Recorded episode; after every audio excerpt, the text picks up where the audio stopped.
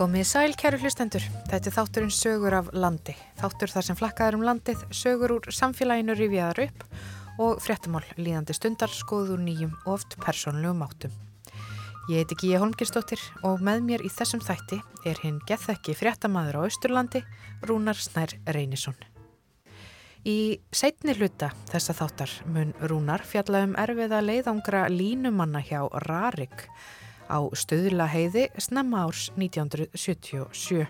Það var vond veður, við vorum fjórir og við lendum í myrkri, ég var með talstöð og áttum að láta vita af okkur og hún þagnaði mjög fljótlega eftir að við vorum komnir inn á heiðina og ég man eftir að sko þegar okkur hafði nú loksins tekist að gera við þetta skafræningi og, og vondu veðri að þá var komið svarta myrkur og það var algjörlega öll för horfin eftir okkur tilbaka og ein, eina leiðin til þess að rata var raunverulega að við vorum með ljós, vasaljós sem við gáttum líst upp og, og í výrin. En við byrjum hins vegar þáttinn í hveragerði þar sem ætlunin er að minnast sangkallarar kvundags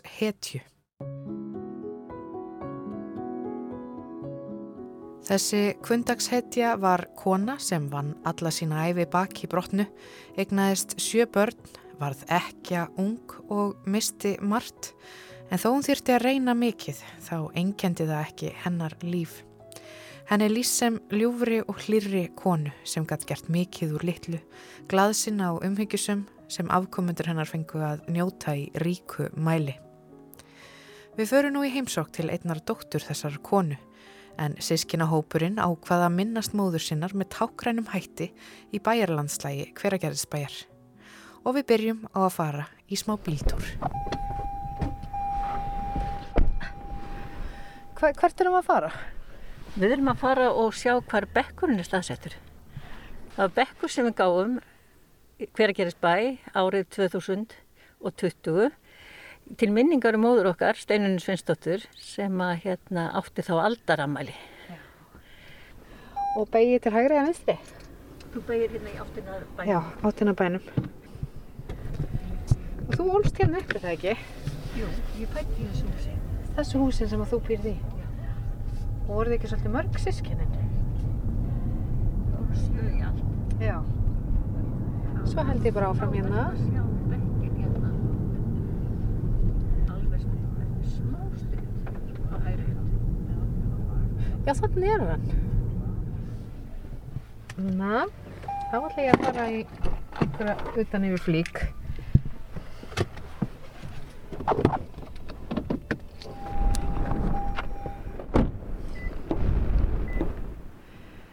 Já, það er svolítið rók. Ég ætla að prófa, ég ætla að lesa hérna Steinun Sveinsdóttir á Varmá, fætt 3.7.1920 og dáin 11.4.2005. Þessi bekkur er til minningar um ástkæra ættmóður sem gekk hér á leið til vinnu sinnar á heilsuhælinu og elli heimilinu. Gjöð til hveragerðsbæjar 2020 frá afkomendum og fjölskyldum þeirra. Ég var til okkur. Já, til okkur í maður. Hvers vegna þessi nákvæmlega þessi staður? Þetta er bara svona að- um það bil á þeim stað sem hún gekk alltaf til vinnunar og bæði þurfti hún að fara nýra á heilsustofnun sem hétt heilsuhæli þá og þá var hún að vinna þar í þvottahúsinu og hún fór á hverjum degi gangandi þangað og ég held að sé svona rúmur kílómetri ef ekki meira sko að ganga þetta Já.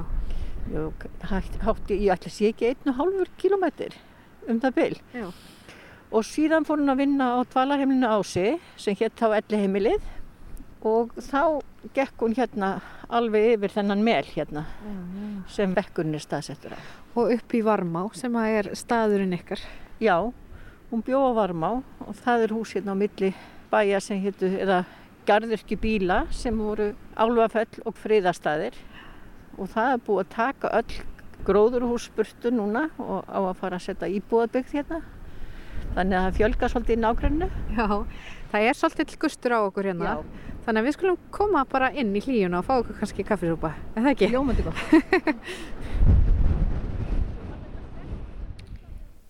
Þessi mynd, hún er tekin á síðasta afmælistegi mömmu þegar mamma var 84 ára.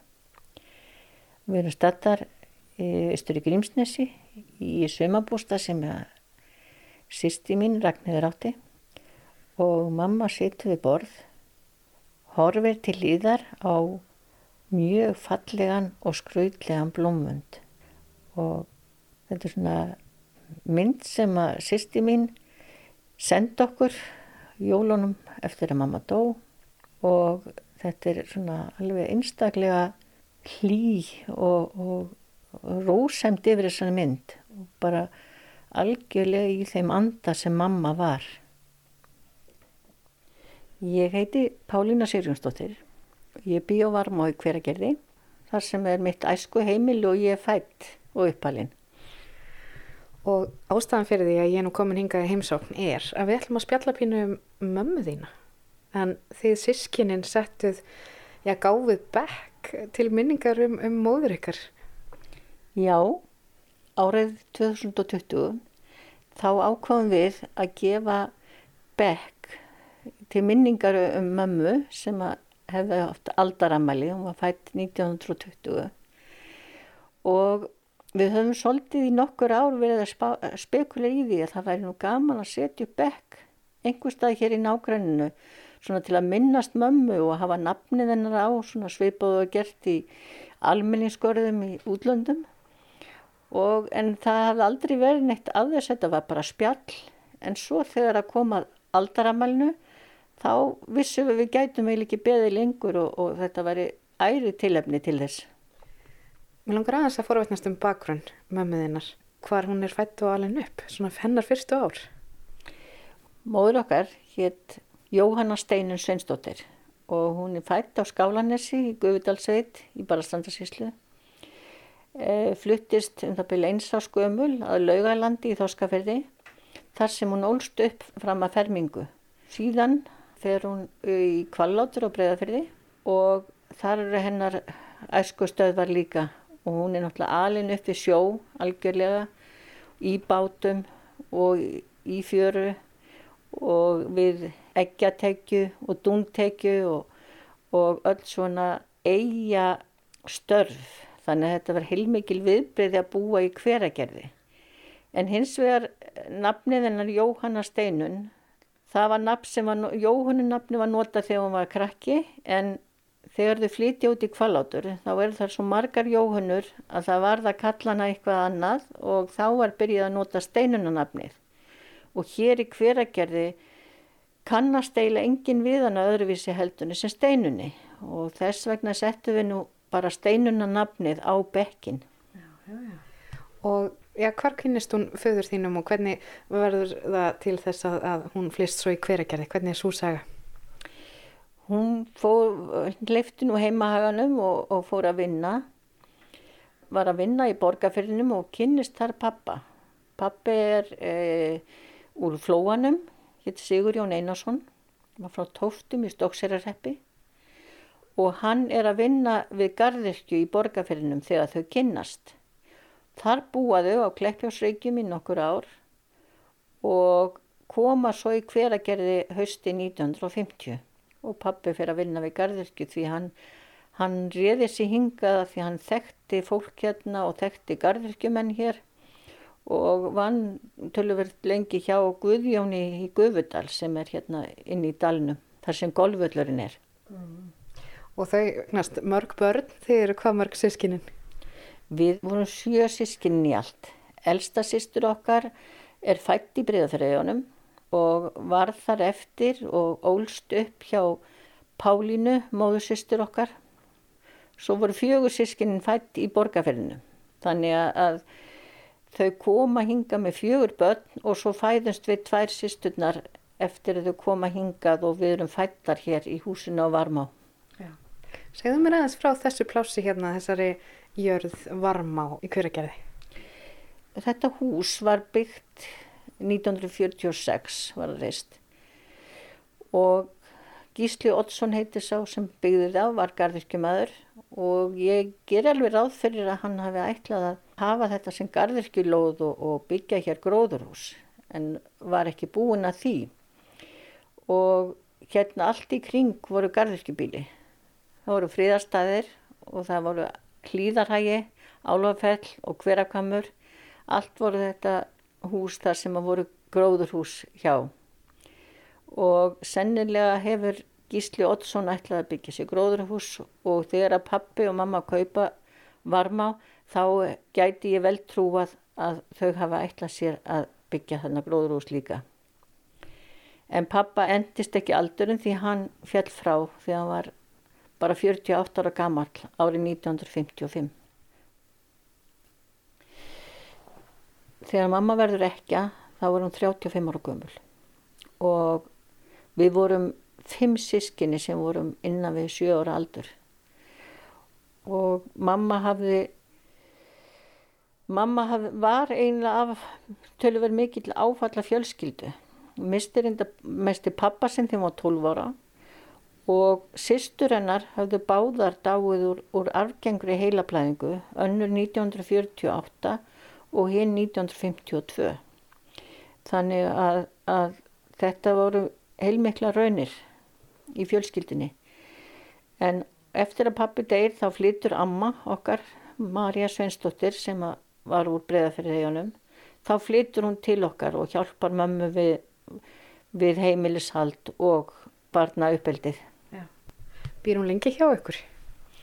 Hún amma er hjá okkur til 1967 þá var hún orðin mjög lasburða og fór á á hérna hjúgrunardild á elli heimilinu Grund í Reykjavík því þá var ekkert, ekkert hjúgrunarheimili til hér í hveragerði og svo deyr hún 1970. Þessi sískinahópur, sískinin sjö, eru þau allir hérna í hveragerði eða hvernig svona dreifist hópurinn? Nei, elsta sýsti mín Valborg sem er svo sem að ólst upp í breyðafræðjónum, hún býr í Reykjavík. Eh, Ragnarsesti mín, næstelsta, hún bjó lengst á voru Akranissi, hún fjall frá árið 2018 og næstur í rauðinni var bróði minn, Hjalti, hann dó nýjára gamall á slísförum. Það var bara tveimur árum eftir að pappi lést og þá var mamma fyrir því áfalli að missa svonsinn og það var náttúrulega mikið áfall en ótrúlegt hvað hún komst komst í gegnum allt þetta og að geta hlúðað okkur á góðan hátt þrátt fyrir þennan missi síðan kemur Ragnheður hún býr í Reykjavík. En við þrjú yngstu Svein, Sigriður og ég við búum hérna í hveragerði. Við Sveinnir erum búin að búa hér í mörg mörg ár. Sveitn nánast alltaf. Og, og Sigga sýsti mín hún er nýlega flutt inn í hveragerði og ætlar að eða, eða verja efri árunum hér í, í, í hveragerði. Þegar pappikar fellur frá og hún verður ekki á, er það þá sem hún byrjar að vinna meira svona úti? Já, hún hérna Hún vann úti sem var ekki kannski endilega algengt með konur á hennar aldri en hún þurfti náttúrulega að vinna fyrir sér. Ekja, 35 ára gömul með mörg ungböld og fyrsta, hún vann reyndar svona við ykkur skúringar við það, skólanum og annar staðar og í visslum en svona fyrsta fasta vinnan hennar var á heilsuhælinu sem var, var kallað heilsuhæli þá en, en er núna heilsustofnun náttúrulega fylgjarsins. Hún fer að vinna já, á heilsuhælinu nokkrum árum eftir að pappi deyr og vinnur þar í, í einn sjö ár. Síðan fær hún vinnu á, á, á elli heimilinu og það er mikið nær heimilinu, mikið nær varmá. Og hún vann í, í allt, þá vann hún 25 ár á dvalarheimilinu ási. Og þar af 20 ár sem ráðskona í mötuneytunni frimskóum sem kallast Ásbyrgi. Og það eru alveg fjölmargi sem hafa unni hjá henni í gegnum tíðina undir hennar stjórn. Og ég held ég verið að segja það að hún hafi verið mjög mjög vinsæl og mjög meikil smetin af, af samstagsfólki sínu. Og mamma hafði mjög gaman að því að spila. Og það spil sem hún spilaði endalust á efri árum og maður spilaði yfirleitt við hana þegar maður kom til hennar það var orusta spil sem maður spilar með, með tveimur stokkum og það getur tekið alveg hálftíma eitt spil en sumi kalla þetta spil ótugt og ég veit ekki hvort er algengara. Mamma hefði vanist í alveg frá því hún var krakki að spila og sagði okkur frá því að hún þetta alltaf að spila við afa sinn sem bjó líka á heimilinu hjá þeim. En hann varst verst að hann svindlaði svo mikið. Þessir afar En var hún eitthvað að svindla? Nei, ég held hún hef ekki gert það. Voru þið að svindla? Það, það, það fór ég arf til einna sýsturinnar Og þú nefnir engin nöfn. Ég nefnir engin nöfn. Og svo eftir að störfum hennar laug eftir að hún fór á eftirlaun þá fer hún á dvalarheimil ás í svona búsetúrúræði þar sem er búa fimm saman í húsi. En hverjum sig hefur sitt baðherbyggi, sinn litla eldurskrók og, og gott, hérna, gott stórt herbyggi. En sambúð þeirra var virkilega hérna, indisleg og, og góð. Það voru svo mikla vinkonur og nokkrar þeirra sem hún bjóð með höfðu verið, höfðu unnið með henni á elli heimilinu á mismunandi tímum stundum en, og einn þeirra hafði verið með henni í saumaklúp og það var svo skemmtilegt að þær hérna, höfðu það þannig að svo sem vaknaði fyrst á mótnana, hún leitt fram og ef hún sá að það var ekki búið að opna neina hurð þá sett hún upp á kaffi og hafði hurðina opna Þannig að hinnar sem vöknuðu setna litu fram og þá ef það sá að opna hurð þá var þar morgunkaffið. Þannig unnu þar saman á alla mögulega máta. Og svo mikil var hlýjan og, og umhyggjan að þær meiri sé að þegar við spurðum mömmu þegar svona árin fór að færast yfir og, og einhver tíma kom það til tals í hvaða kirkjugarðum myndi vilja vera. Þá sað hún strax ég vil vera í Kotstrandakirkjugarði við ætlum allar að vera þar það var bara svona það var bara svona svo sjálfsæði hlutir það var bara eins og maður er að segja við ætlum allar að horfa á Gísla Martin saman og þær eru allar á sveipuðum slóðum í gardinum og það er bara líkuð að maður getur hort á steinana allar saman Æskustöðar mömmuðinnar og, og, og uppeldistöðar eru þarna í breyðafyrðinum. Fór hún oft aftur þangað? Hún fór náttúrulega stundum þarna á, á, meðan að sýstirinn að bjóða þarna og dóttirinnar var þarna, Valborg, elsta dóttirinnar. Hún er frem, fermd í flatei og, og, og þá held ég að ég hef farið mína fyrstu ferði breyðafyrðina í, í móðukviði og svo en ég er ekkit vissum hún hafi mjög oft geta farið vestur. En amma hún fór alltaf hverju einasta sumri og var öll sumur í breyðafræðunum aðalegi kvalláturum og líka í skálegum Svo varst þú nú með henni, þú sagði mér hérna áður en við byrjum viðtalið að þú og sambilsmaðin fórum með, uh, með mömmu þinni í ferð á heimaslóðinnar. Já, hún á laugalandi í, í Þorskafyrði þar, þar var í sveit fyrirvöndi maður minn og þess vegna höfðum við tengst við þennan bæ og buðum mömmu með okkur og hún var með okkur þar í heila viku. Þá nautum sín algjörlega í fjörunni og, við, við allt mögulegt sko og, og, og meiri sér fór á hestbakk á næsta bæ. Þannig að maður sá alveg að hún hafi hún hafi sterk tengsl við þetta og, og mikla gleði að því að heimsækja æskustöðarnar Hún orti vísu um þetta að fara frá æskustöðunum. Gætur þú lesið þessa vísu fyrir okkur því að mamma þeim hún var hagmælt?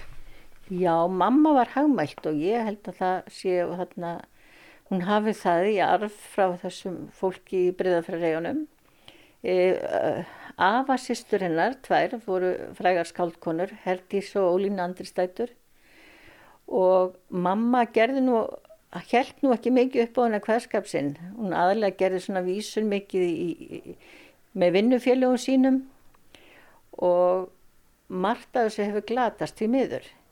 Ég átti þessa vísu sem hún orti þegar hún fór með okkur í aðlaugalandi en því miður þá mann ég hann ekki nákvæmlega en það eru nokkra setningar sem ég man og ég verði að gera mitt besta úr þessu og byrjaði á því að hún skrifaði eða sagði ég fór hérna fyrir 50 árum og feldi mörg saknaða tár og þegar ég horfði út að hafið var sjórin úfinn og grár en nú er ég komin hér aftur og ef ég leita vel þá finn ég kannski í fjörukampi fallega gimbur skell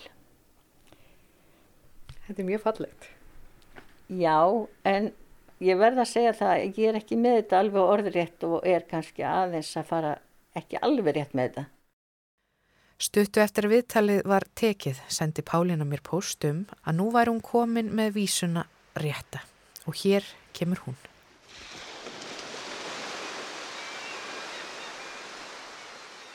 Ég fór hérdan fyrir 50 árum og feldi mörg saknaðar tár og þegar ég sildi út sundið var sjórin úfin og grár. Nú er ég komin hér aftur og ef að ég leita vel þá finn ég kannski fjörusandi fallega gimbur skell.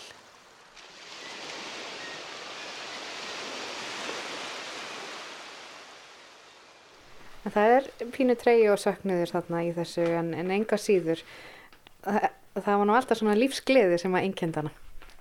Já, hún, hún, hún virtist alltaf geta gert gott úr hlutum og séð fram á veginn og, og hún var ekki minnina bitur og var ekki, var ekki först í ykkur, ykkurum gömlum hérna, biturleika og þó hún hefði þurft að reyna margt þá, þá hérna, einkendi það ekki hennar, hennar líf og og til dæmis þegar við vorum að alast upp þá var alltaf pláss fyrir gesti.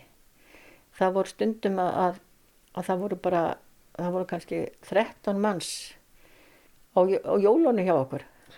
Eða, við vorum kannski 13 í jólunum og, og, og allir í gistingu og í þessu litla húsi sem við erum stattar í hérna núna.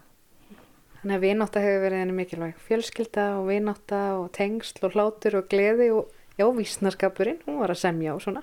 Já, og hún var mjög, hérna, mjög gaman að því þegar margir voru samankomnir og, og hérna, naut þess að naut þess að hafa fólki sitt í kringu sig mm -hmm. fekk margar heimsóknir líka Já. Þegar hún var áttræð þá orð hún eina vísu getur þú að lesa hana fyrir okkur þetta hún er nú skemmtileg og, og svona já, ég minnst hún svolítið kjarna þennan karakter sem þú að draga fram Já, þessa, þessa vísu hef ég skrifað niður og, og hún er rétt með farin. Nú hef ég lifað 80 árin eins og þið sjáuð kvítorðin hárin. Já árin líða, tímans klukkur kalla, kátt var oft og mikið glatt á hjalla. Ég þakka ykkur alla liðnar stundir og indislegir þessir vinafundir. Þeir munu líka lengi með mér vaka, í minningunni er ég lítil baka.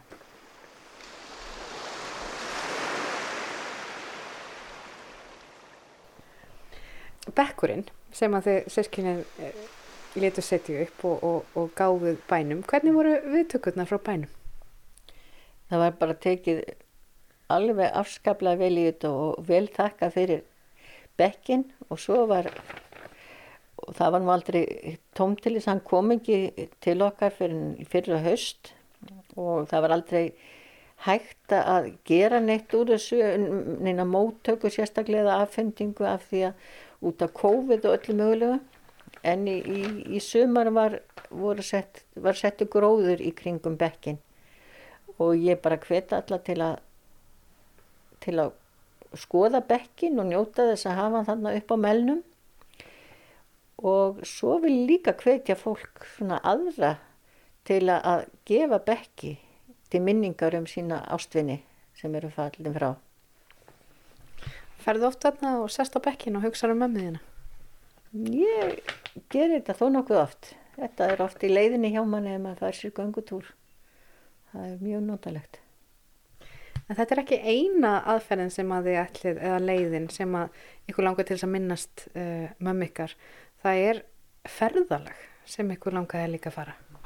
Já, það var þannig að mamma fór tvívegis í ferð í syklingu á Rín, svo kallaði Rínalandaferð og hún fór fyrst, fyrstu ferðina fór hún e, í kringu 1970 1975 minni mig. Og þá kemtist hún þá nokkuð fólki og hún var mjög hrifin.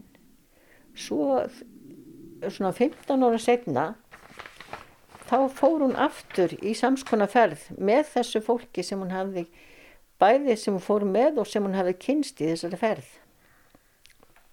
Og þetta var svona hennar uppáhalds uh, útlandaferð. Hún var afskaplega hrifin af þessu, af þessu svæði og mörg okkar og við sískinn vorum að hugsa um að minnast hennar með því að fara í svona ferð og upplifa sveipað og hún hafði upplifað.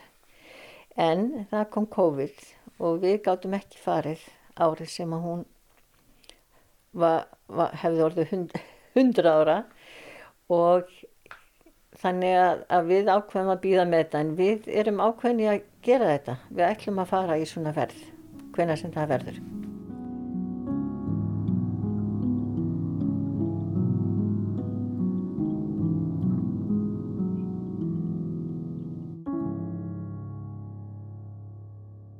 Þarna var dregin upp mynd af lífi og störfum kundags hetjunar Steinunar Sveinsdóttur sem bjó á Varmá í hveragerði. Það var Pálina Sigurjónsdóttir, dóttir hennar, sem sagði þarna frá móður sinni. Og afkomundur Steinunar myndust hennar á sjálfu aldarammali hennar þann 3. júli 2020 og gáfu hveragerðis bæ Beck til minningar um indislega ætt móður en bekknum var komið upp á þeirri leið sem steinun gekk alltaf til vinnu sinnar. Og er það von stórfjölskyldunar að bekkurinn muni nýtast vel, veiti þreyttum kvíld og verði sem flestum til ánæju. Og fyrir þau ykkar sem vilja feta í fótspjór kvundags hetjunar steinunar, þá er bekkurinn staðsættur á göngustíknum efst í brekkunni við borhóluna í klettallíð í hveragerði en næst er ferðinni heitið Austur. Rúnarsnær Reynisson tekur nú við.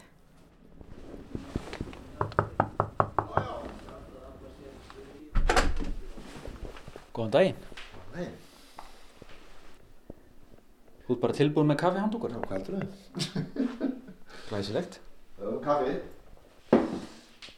Já, ég heiti Baldur Pálsson og ég ber nú engan titil í dag utan þess að vera kannski austurlandsgóði en var nú svo sem búinn að vinna við ímislegt á minni starfsæfi og meðal annars að vera línumadur hjá Rammarsveitum Ríkisins um skeið. Já, það var, hérna, ég var tvö ár uh, alveg hjá Östurlandsveitinu hjá Rarik og 1977 sá vetur var mjög erfiður línum vegna þess að það gerði veður eftir áramótin í byrjun árs 77 og, og, og þá byrjuðu línur að, að slitna niður. Flesta línur yfir fjallvegi hér austalands höfðu, voru komnar já, um og yfir 20 ára aldur og lítið viðhald á þeim yfirleitt.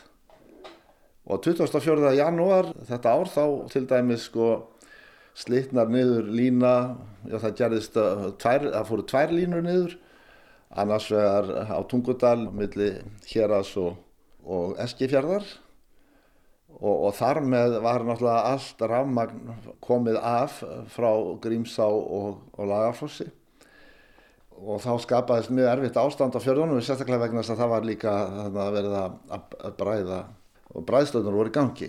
Það var einhvern veginn öll orkan sett í það að, sem var þá náttúrulega bara frá, frá rafstöðum að keira þessa bræðslur og svo að skamtað á fólkið. Ég man eftir það sko að því að það fór hérna niður um leið, línan yfir að stuðlaheiði eða skessu eins og heiti líka yfir til að millið reyðaferðar og faskúsferðar sunnan við, þar var bara skamta ramagn, sko, eh, kannski ein, tvo tíma á dag til almennings, en, en svo bara lokað á allt og, og allt fór í bræðslunar. Það var verið að bjarga verðmætum, sögðu þeir.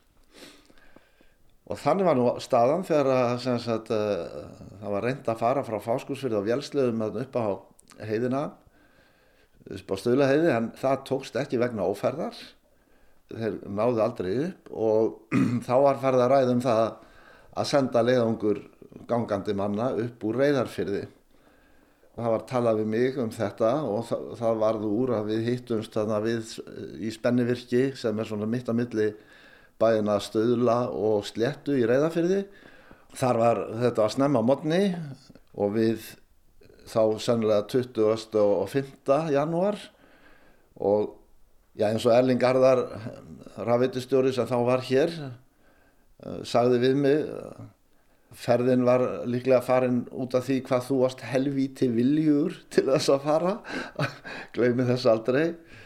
Og þetta voru ekkert kræsilegar aðstæður sem að þið voru að leggja upp í þarna fjóri menni eða hvað? Nei, við, þetta voru uh, mjög slæmar aðstæður, það var, það var mjög vond gungufæri og vondur snjóður að ganga í, sökk mjög í. Og ég man alltaf eftir þegar við vorum að ganga upp fyrsta spölin upp í nónbotnana lína lág upp beint upp fjalli bara öskamt vestan við spennivirkið. Og við vorum bara nokkuð lengi að pauvast sko upp fyrstu brekkuna og komast upp í nónbotnana. Þaðan lág línan upp undir klettabelti mikið í fjallinu Skessu og fór í einu hafi 600 metra hafi úr nónbotnanum upp á klettabrúnina Eh, rétt eh, austan við svo kallega skessugjá. Og upp þá gjá var engin leið að ganga en það hengur þar sko hengjur í öllum brúnum hamrabrúnum. Og við þurftum að ganga þá til vesturs og yfir svo kallega skessubotn og upp hrygg vestan við það sem klettabeltið lækkaði til vesturs og það er svona inn á mótsvið gíl sem er fyrir ofan bæinn stuðla. En þegar við komum upp að þeirri brekku sem er snarbröð þá eru bara allstaðar hengjur í brúnum og vondfæri nema það hafi fallið snjóflóð hrapan niður hengja og af því var snjóflóð og það hafi farið niður í stjæsubotnin og við ákvaðum að prófa að ganga upp hlaupfarið eftir snjóflóði sem var bara mjög góð ráðstöfun því að það var miklu betra að ganga þar og þannig komist við upp á brúnina þó svo að það væri byrjuð að koma önnur hengja. Og við klóruðum okkur einhvern veginn upp í gegnum það. Einmitt. Og þið voruð með talsverða byrðar ekki satt? Jújú, jú, það, það þurfti náttúrulega að hafa allt með sér uh, þessi lífbelti, það örgisbeltin alltaf kvöldu staurabelti bara. Og síðan öll áhöld uh, likla og, og, hérna, og varahluti hólka til þess að á výrin og, og pressu til þess að og það gæti verið að maður þurfti að hafa sko fleiri en eina gerða pressum sem gæti vel verið en ég, mjög minnir við vera bara með eina pressu þarna Já, þetta þurftum við alltaf að bera og síðan veðjum við á það að það væri výr uppi. Var kofi alveg á Hamrabrúninni á skessu, reyða fyrir það megin og við hann átti að vera výr. Þegar við komumst hanga þá fórum við nú að leita výrnum og fundum eitthvað bút þar og svo heldum við eftir línunni og þetta var vond veður. Það hafði leigið í, í svona undanfarnar daga í austanáttum með bleitum annars lagið og sapnast mikil ísing á línur og ég man alltaf eftir því hvað ég var fegin þegar ég sá að bilunin var ekki í mastrinu á bjargbrúninni eh, reyðafjörðamegin því að það stóð alveg kengbóið og það hefði ekki verið kræsilegt að fara upp í þau til þess að reyna að laga eitthvað. En við heldum svo inn á heiðina í átta brósaskarði sem heitir sunnan til á heiðinni. Og það var óhemju ísing á, á línunni og það endaði með því að við fundum hérna slitt á línunni og okkur tókst að gera við það. Það var svolítið erfitt að eiga við þetta vegna þess að það var, var mikil ísing á staurunum að þetta byrja að berja ísingun á staurunum. Síðan þurfti að þar sem výrin hafi fallið niður þá fjalla niður í snjóin með ísingunni og, og þá einhvern veginn festist þetta allt niður í snjónum og þurfti að rýfa výrin upp. Var mjög þungt og erfitt og að líka ná ísingunni af og síðan þurftum við að, að, að, að losa upp á nokkrum stöðrastæðum til þess að geta strekt um, í svo kvöldu afspenn þar sem hægt var að strekja výrin inn og já ég glemdi nú að, að, segja þarna áðan varðandi það sem við þurftum að bera með. Við þurftum að bera með okkur sem strekkitaljur sem voru bara þungar keðjutaljur sem gáttu ráðið við að, að strekja inn výr á þessari stærð af línu. Þannig að þetta var okkur erfitt og þetta var, var vond viður, við vorum fjórir og við lendum í myrkri, ég var með talstöð og áttum að láta vita af okkur og hún þagnaði mjög fljótlega eftir að við vorum komnir inn á heiðina. Og ég man eftir að sko þegar okkur hafði nú loksins tekist að gera við þetta skafræningi og, og vondu veðri að þá var komið svarta myrkur og það var algjörlega öll för horfin eftir okkur uh, tilbaka og ein, eina leiðin til þess að rata var raunverulega að við vorum með ljós, vasaljós sem við gáttum líst upp og, og í výrin og þannig komumst við að milli spenna. Annars, annars vorum við, eða stöðrastæða annars vorum við bara alveg í mjög vondum málum. Og síðan þurftum við náttúrulega að fara mjög gætilega vegna þess að línan hún fór svo bara beint fram af hamrabeltinu. Þannig að við máttum ekki ganga þar fram af. Þannig að þetta var ansi mikil spenna í manni við það að fara þetta og okkur tókst nú samt að komast og finna kofan. Og þá þurftum við að taka stefnu og þá mátti engu skeika vegna þess að, að, að þá vorum við með hamrabeltið á, á hægri hönd og vissum það að, að gilið fyrir ofan stuðla sem skarst upp í gegnum brúnna það átti að vera þá vinstri þegar við komum neðar. Og, og það mátti einhver skeika sko að við gengjum þá í þessi annars vegar fram að hamrabrúnunum því að það, það voru hengjur í þeim. Og, og allt var kvítt og sáum ekki neitt. Og eftir að við hafum farið nokkuð spör þá var ég alls ekkert viss á, á að ég væri réttir í leið og enda með því að ég fer að kasta talíunni alltaf á undan til þess að hérna, vera vissum að ganga ekki fram af. Þá sáum við alltaf innu ljós. Ég man alltaf eftir því þarna stóðum við og vorum að spekulur í hvaða ljós þetta gæti verið. Þetta var einhverstað nýri reyðafyrði eftir svona smá þrefum þetta þá, þá var okkar yngsti maður í hópnum Börgur Stefánsson hérna frá Eirstöðum hann var 17 ára gammal hérna með okkur og hann var alveg viss á því að þetta væri ljósið í áræðum ég var ekki alveg viss en, en við, við niðurstaðan var svo að, að trúa Bergi. Og það var rétt hjá honum. Og þannig hittum við svo á réttan stað uh, alveg þar sem við höfðum farið upp á brúnina um morgunin. Þá uh, var ég búin að hafa talstöðuna inn á mér og, og prófaði að kalla og þá var strax svarað. Og þá var búið að kalla út Björgunusveit til þess að fara að leita að okkur og svo man ég nú ekkert hvernig þetta gekk held ég bara ágætlega niður. Já. Og þeir voru fjóri þarna, það var uh, Börgur Stefánsson og hverjir fleiri? Já, bróðir hans, uh, Þröstur Stefánsson og Guðmundur Ólason frá Högstöðum og Jökuldal og við vorum allir tengtir Jökuldal þetta voru sko, Jökuldals hérna, menninir í, í Rarik og þetta var hansi frægur leiðangur og var getið um hann í blöðum en eh, sagan er ekki, aldrei ekki búin því að þú óttir eftir að eru að fara þarna aftur og þá voru þið bara tveir. Já það var svolítið miklu miklu erfiðari leiðangur. Það er 31. það er bara 50 setna sko þá slitnar aftur stuðlaheðalína þá eru líka farna niður aðra línur hér, hérna í kring. Og eiginlega allur mannabli úti og en, engum til að dreifa nema mér og Guðmundi frá högstöðum og það varð úr að við byggum okkur að fara tveir í þetta en, en þá var nú ferðalagið svolítið erfiðara því að við eftir erum búin að taka okkur til hér á eigirstöðum þá var allt ófært til Rauðafjörðar og, og við fengum far með snjóbílinu Tanna sem þá var í eigu Sveins heitin Sigur Bjarnasonar. Eh, Snjóbíl Tanni var eh, eins og nafnið á hann gefið til kynna, hann var eini snjóbíl í landinu með tönn og var alltaf að nota hana því að hann var í ferðum á milli Eskifjörðar og, og Norrfjörðar og svo í, í harðærum þá var, var hann að þjóna hér aðinu líka.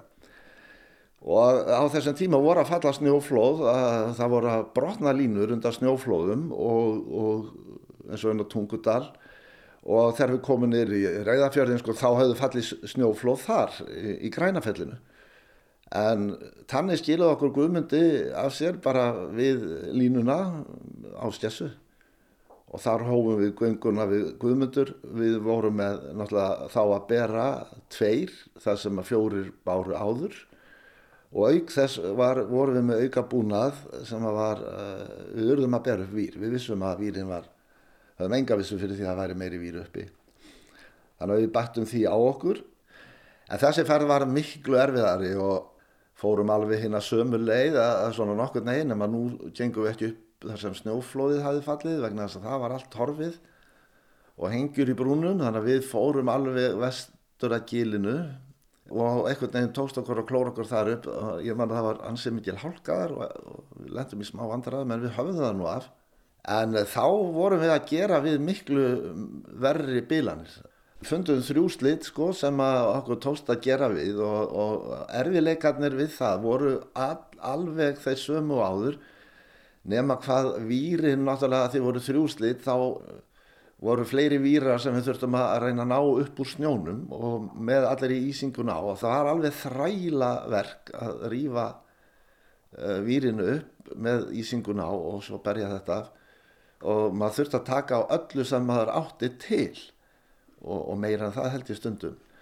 En þetta hafðist nú hjá okkur og síðan ákváðum við nú að ganga við guðmundur aðeins lengra uh, suður á heiðina um, vera skildi að það væri eitthvað meira að og þá gengum við fram á tvöslit og þá leist okkur ekki á blikuna því að hérna, þá var miklu lengra í afspenni eða, eða til þess að geta strekt upp og þar, þar fundum við eiginlega upp aðferð. Við höfum gengið upp með sérstakka talíu sem að Bendik Þórðarsson starfsmaður Rarik bent okkur á að væri mjög gott tæki og, og gynnt okkur eiginlega til þess að taka þetta með þetta, hún segn út alltaf í þessi talija en þarna kom hún aldeilis að góðum notum og það, þetta endaði með því að við tókum slagan eh, saman á výrnum með, með taljunni síðan settum við semst á výrin klemmur og svo keðjustrekkjara tvo. Og svo bjóð ég til úr, úr, úr ónýtum výr eins og hálfgerða rólu vafiði utanum výrin sem við ætlum að fara að strekja upp og steig svo upp í þetta og, og svo strekti ég mig upp með taljónum og þarna þurfti Guðmundur að, að, að hérna, skoða strekk sko, hæfilegt strekk með manni hangand á výrnum með, með öllu draslinu. Á þessu spenni sem við, við gerðum þetta þá var, var ekkert svo rosalega hátt upp vegna þess að það var mikil snjór undir línunni þar. Um, og þannig að þegar ég var búin að ná að setja výrin saman sem var nú ekkert sko grín við þessar aðstæður sem að maður hafði nú eiginlega engan balans á sjálfum sér þarna að dinglandi uppi en það hafðist og, og pressan var þannig til dæmis sem að pressaði saman hólkin á výrin að það þurfti óhemmi mörg slög á, á, í hverja pressun og minni vera tíu sinnum þurfti maður að pressa. En þetta hafðist nú allt saman og svo þurfti ég að leysa allt drasli niður af, af výrnum og síðast þá bara hjekk ég þarna einn og sjálfur og, og let mig bara síga uh, annar í hendinu og svo baði ég guðmöndum að aðdöða sko hvort það væri nokkuð ísingabútar bent fyrir neðanar sem ég var myndi fá lendingarstað. Og guðmöndur kannaði það og svo let ég mig bara detta niður. En þá kom ég ljósa að strekkið var bara alveg rétt. Og þetta var svoleiðis grísa það var alveg með ólíkjendum en við þetta þá óks okkur ansi uh, mikið ásmegin og við fórum í næsta slitt og gerðum nákvæmlega eins en þar var miklu herra upp sko. Og það var lítið snjór undir. Og ég var ansið hættur þegar ég var búin að klára það dæmi eh, að láta mig þetta niður. Og ég man alltaf eftir því að hérna maður bjóst við því versta en vonaði það besta. Og, og ég komst alveg ágætlega frá því en þá þurftum við guðmundur að, að, að axla all, allt okkar hafurtask og halda tilbaka. Eftir að hafa unnið þarna, ég man ekki hvers, hversu marga klukkutíma og alveg átökin alltaf alveg óskaplega við okkur gekk alveg mun betur en, en fyrirferðinni að rata. Það var náttúrulega svarta myrkur komið og, og það var skafræningur eins og í fyrraskiptið en sáist mjög vel förin eftir okkur þannig að við komumst alveg slísalöst tilbaka en þetta er alveg klárlega allra erfiðasta uh, verkefni og ferð sem ég hef nokkuð tíman á, á æfinni farið. Ég held að, að, að ég hef aldrei tekið annað eins á og að við skildum bara að hafa þetta af allt saman.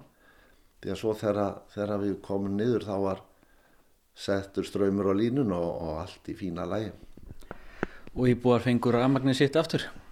Já, það var auðvitað fyrir íbúana sem að maður gerði þetta. Ég gerði þetta ekki fyrir bræðslutar því að Guðmundur var nefnilega að spyrja mig út í þetta þegar við vorum að leggja staði um morgunum til hversu við værum eiginlega aðeins og þá útskýrði það fyrir honum að ég var að gera þetta fyrir fólki en ekki fyrir bræðslutar og, og, og Guðmundur dró ekki af sér eftir það. En svo eftir þetta að, að þá fór ég, og að því að það var allstar, við vorum allstar inn á snjóflóðasvæðum að þá fór ég á fund hjá Björgunarsveitinni aðalfund og, og spurði svona undir önnum ál hvort að þeir eh, kynnu að eitthvað að leita að, að mörnum sem myndi lendi í snjóflóðum. Og að þeir formaðurinn saði mér að, að það væri nú ekki þeir hefðu nú ekki þjálfað sér neitt í því. En viku setna ringdan í mig og saði að væri komin hérna sérfræðingur í þessu og, og væri með fyrirlestur hjá Björgunarsveitinni. Og ég fór á þann fyrirlestur og og gekk þá í Björgunarsveitina og er þar enn. Baldur Pálsson, þakkaði kellaði fyrir spjallið. Já, þakk sem leiðs.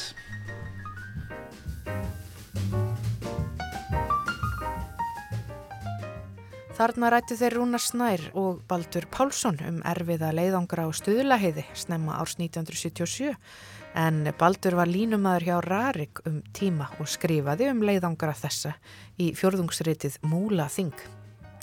Og í þættinum var auk þess rætt við Pálínu Sigurjónsdóttur á Varmá í hveragerði um kvöndagshetjuna móður hennar, hanna Steinunni Sveinsdóttur.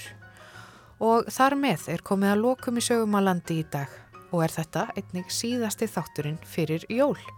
Við snúum með þetta aftur á nýju ári En þá mun Halla Ólafsdóttir, dagskrafgerðarkona á Ísafyrði, taka við hlutverki mínu sem umsjónamaðu þáttarins á meðan ég bræð mér frá í barnegnar leifi. Og í lokin minnum við á að þessi þáttur og eldri þættir eru aðgengilegir í spilara rúf og öllum helstu hlaðvarpsveitum. Hafið það gott yfir hátíðarnar, við þakkum þeim sem hlítu, lifið heil.